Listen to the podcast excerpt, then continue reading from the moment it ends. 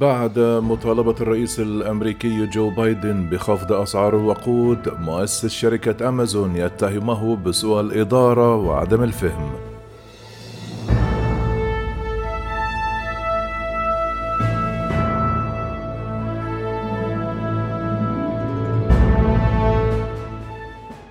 كتب الرئيس الأمريكي جو بايدن على تويتر في عطلة نهاية الأسبوع متهما الشركات التي تدير محطات البنزين بأنها تتصرف بدافع الطمع والجشع مضيفا هذا وقت حرب وتراجع اقتصادي. ثم كتب مؤسس شركة أمازون على حسابه في تويتر يبدو أن التضخم أصبح مشكلة عويصة للبيت الأبيض ليواصلوا إصدار تصريحات مثل هذه. هذا إما سوء توجه واضح وجلي أو عدم فهم مطبق لديناميات السوق الأساسية. من جانبه رد البيت الأبيض على مؤسس شركة أمازون جيف بيسوس بعد انتقاده للرئيس جو بايدن في سلسلة تغريدات خلال عطلة نهاية الأسبوع لتعليقاته على التضخم. بدأ التبادل يوم الجمعة عندما غرد بايدن دون الإشارة مباشرة إلى شركة أمازون هل تريد خفض التضخم؟ دعونا نتأكد من أن أغنى الشركات تدفع نصيبها العادل. بعدها رد جيف بيسوس على تغريدة بايدن باتهامه بالتضليل بحجة أنه لا توجد صلة بين التضخم وضرائب الشركات. ثم كتب مؤسس شركة أمازون لا بأس من مناقشة مسألة رفع ضرائب الشركات. ترويض التضخم أمر بالغ الأهمية للمناقشة. دمجهم معا هو مجرد توجه خاطئ ارتفع تضخم المستهلكين بوتيرة أعلى من المتوقع بنسبة 8.3 في إبريل وهو ما يزيد عن 8.1% تقدير ويقترب من أعلى مستوى له منذ 40 عامًا.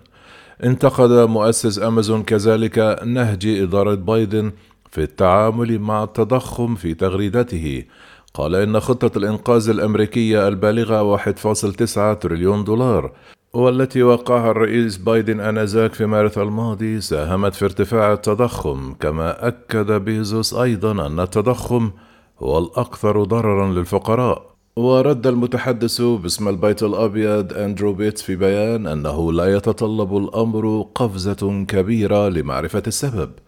سيعارض بيزوس ثاني أغنى شخص في العالم اقتراح بايدن برفع الضرائب على أصحاب الثراء الفاحش والشركات. قال بيتس في بيان من غير المفاجأة أيضا أن تأتي هذه التغريدة بعد أن التقى الرئيس بمنظم العمل بمن فيهم موظفو أمازون. ورد بيزوس على بيان البيت الأبيض في تغريدة متهم إدارة بايدن بمحاولة تشويش الموضوع وكتب إنهم يعلمون أن التضخم يضر بأشد المحتاجين لكن النقابات لا تسبب التضخم ولا الأثرياء كذلك. في وقت سابق من هذا الشهر ظهر الرئيس الأمريكي بايدن في اجتماع مع منظم العمل بما في ذلك كريس مورالز رئيس اتحاد عمال أمازون. وهي مجموعة شعبية نجحت في إبريل في تنظيم مستودع أمازون في جزيرة ستاتن آيلاند في نيويورك وهو مما يمثل أول اتحاد لشركة التجارة الإلكترونية في الولايات المتحدة. يمثل الخلاف على تويتر أول مواجهة علنية بين الرئيس الأمريكي بايدن ومؤسس أمازون.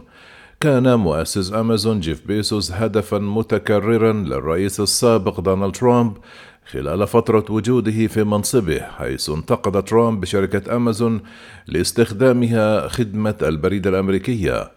وادعى زورا أن صحيفة واشنطن بوست. المملوكة لبيزوس هي جماعة ضغط لصالح شركة البيع بالتجزئة العملاقة عبر الإنترنت. في حين أن الرئيس الأمريكي بايدن لم ينادي أمازون على وجه التحديد في تغريدته يوم الجمعة فقد انتقد مرارا وتكرارا التاريخ الضريبي للشركة. استفادت أمازون بشكل كبير من الإعفاءات والخصومات الضريبية ولم تدفع الشركة أي ضرائب على الدخل الفيدرالية في عامي 2017 وعامي 2018 وأصبح بيزوس الذي تنحى عن منصب الرئيس التنفيذي لشركة أمازون في العام الماضي هدفا متكررا في مناقشات الديمقراطيين حول عدم المساواة في الثروة في الولايات المتحدة نظرا لثروته الهائلة.